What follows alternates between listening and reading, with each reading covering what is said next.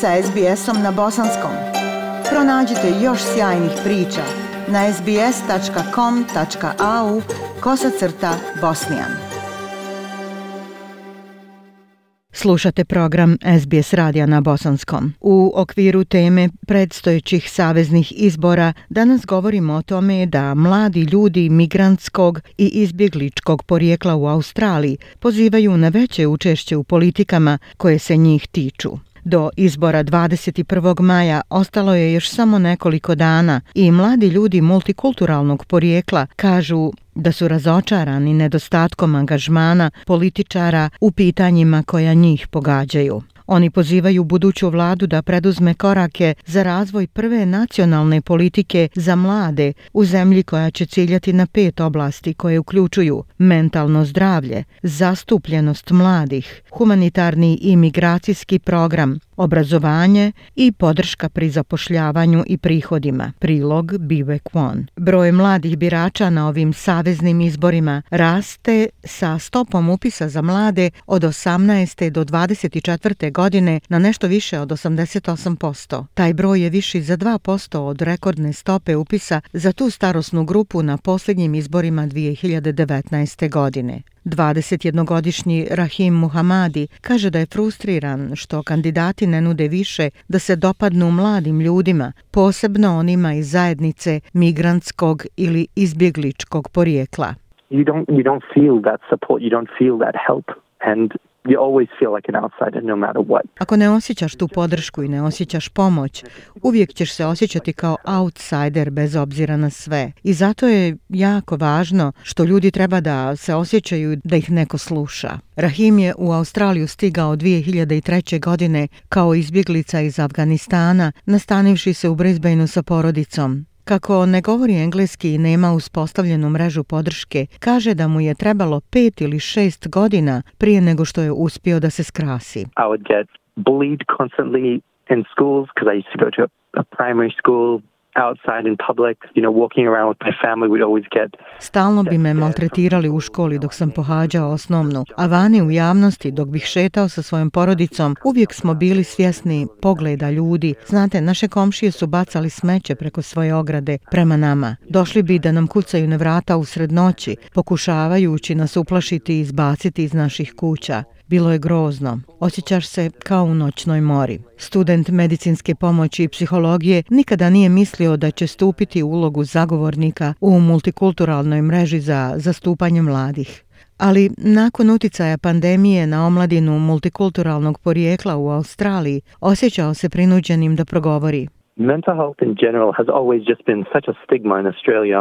Mentalno zdravlje općenito je uvijek bila stigma u Australiji, a posebno za nekoga ko je tek stigao u ovu zemlju kao migrant. Problemi s kojima se suočavaju su mnogo složeniji od eh, prosječnih slučajeva mentalnog zdravlja.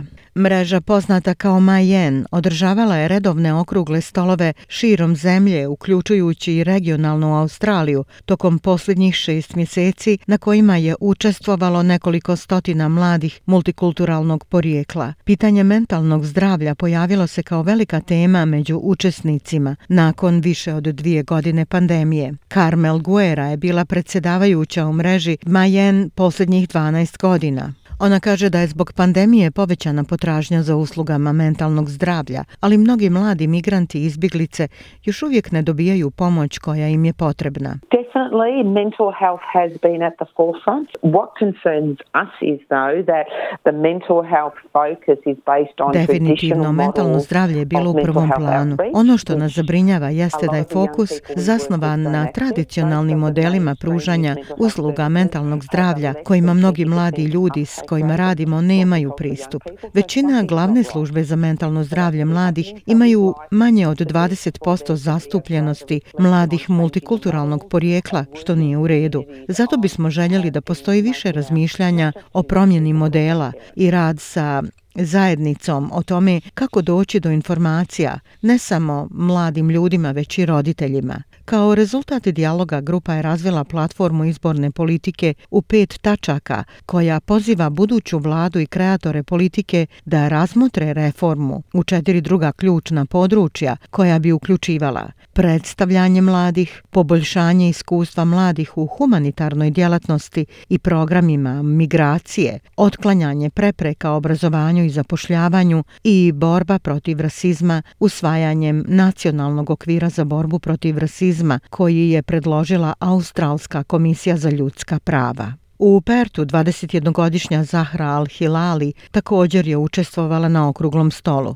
Ona je rođena u Australiji od roditelja palestinskog i iračkog porijekla i kaže da je diskriminacija za nju proživljeno iskustvo i da je to bio faktor u njenoj odluci da studira pravo i novinarstvo. I think myself as a young advocate wearing the hijab and being a, mus a visible Muslim, um, I've unfortunately faced the end of discrimination and racism within this country across Mislim da sam mlad advokat koji nosi hijab i kao očita muslimanka. Nažalost, suočavala sam se s diskriminacijom i rasizmom u ovoj zemlji tokom mnogo godina svog života, tako da je rad u ovoj oblasti pomogao da se zapravo razotkriju problemi mladih ljudi koji ne dižu ruku da bi učestvovali u politici. Osiguravanje veće rodne i kulturne raznolikosti na svim nivoima vodstva u društvu je nešto što ona želi vidjeti. We'd love to see more diversity in politics, but I think until we actually address the Voljeli bismo vidjeti više raznolikosti u politici, ali mislim dok se zapravo ne pozabavimo pitanjima rasizma i kako možemo društveno stvoriti kohezivno okruženje za mlade ljude, da se ne boje svoje okoline, da se ne boje diskriminacije koja ih može, ali ne mora pratiti. Tada možemo aktivno stvoriti tu inkluzivnu i ujedinjenu Australiju o kojoj svi nastavljamo govoriti. I zato ona podržava poziv mreže Majen za razvoj nacionalne omladinske politike, uvažavajući potrebe mladih multikulturalnog porijekla. I tu nacionalnu politiku mladih bi vodio posvećeni savezni ministar za mlade u kabinetu, a stvaranje Saveznog savjetodavnog vijeća za mlade uključivalo bi mlade različitih kultura koji su mlađi od 30 godina. Kada istražujemo Savezno savjetodavno vijeće za mlade, mislim da je jako važno prepoznati da neke države, nažalost, nemaju te platforme da oni glasno govore. Dakle, postojanje saveznog tijela koje bolje predstavlja i prepozna prepoznaje različitost mladih ljudi bez obzira na geografsko porijeklo, bit će ključni korak ka stvarnoj centralizaciji glasova mladih na najvišem nivou vlasti. Posmatrajući ponašanje političara u posljednje tri godine, ali i tokom ove predizborne kampanje, Zahra kaže da je to obeshrabrilo ljude poput nje koji bi jednog dana mogli razmišljati o ulasku u politiku. I think politics gets quite dirty and i think um when we when i'm specifically speaking to migrant and refugee communities mislim da politika postaje prilično prljava. i mislim da kada konkretno razgovaram sa migrantskim i izbjegličkim zajednicama mnogi su veoma uplašeni da uopšte progovore protiv ili kažu naglas o svojim razmišljanjima šta se dešava na ovim trenutnim izborima i u ovoj trenutnoj klimi. Mislim na kraju krajeva da mnogi od nas imaju tendenciju da drže jezik za zubima zbog iskustva da smo isključeni iz ove zemlje. U decenijama od ukidanja politike bijele Australije 1973. najnoviji talas migracija bili su iz neevropskih zemalja, Azije, Bliskog istoka, Južne Amerike i Afrike. Ali kulturna raznolikost u australskom parlamentu to ne odražava i ona je iza zemalja kao što su Sjedinjene države, Novi Zeland ili Kanada. Samo 4% federalnih poslanika u Australiji ima neevropsko porijeklo u poređenju sa 19% australskog stanovništva prema izvještaju Australske komisije za ljudska prava iz 2018. Disparitet je posebno očigledan kada se posmatraju oni sa azijskim nasljeđem u populaciji u parlamentu. U Australiji ljudi azijskog porijekla čine oko 14,7% odraslih australaca, nivo sličan kao u Sjedinjenim državama, Novom Zelandu i Kanadi. Od 227 članova u Australskom saveznom parlamentu, 2,2% ili 5 poslanika imaju azijsko ili južnoazijsko nasljeđe. Na Novom Zelandu udio poslanika azijskog porijekla iznosi više od 5%, u Kanadi je 12,8%, a u Sjedinjenim državama 3,8%. Rahim osjeća da konačno ubrzava svoj korak. On kaže da mu napredak na fakultetu omogućava da brine o fizičkom i mentalnom blagostanju ljudi s kojima radi, a za njega se radi o pripadnosti i inkluziji. You're putting yourself out there and advocating on behalf of not just Dajete sebe i zagovarate ne samo u svoje ime, nego u ime drugih. To vam daje osjećaj odgovornosti za stvari koje se dešavaju u vašoj zemlji i u ovom društvu. Posebno kada ste kao ja izbjegličkog porijekla. Kada sam prvi put došao u Australiju, osjećao sam se kao outsider, ali što se više integrišeš u zajednicu i unutar društva počinješ da osjećaš kako stvari idu i želiš vidjeti kako se stvari u zemlji poboljšavaju. Ja sam Aisha Hadži Ahmetović. Ostanite uz program SBS radija na bosanskom jeziku. SBS na bosanskom. Podijelite naše priče preko Facebooka. Želite poslušati još ovakvih priča? Slušajte preko Apple podcasta, Google podcasta, Spotify ili kako god da primate svoje podcastove.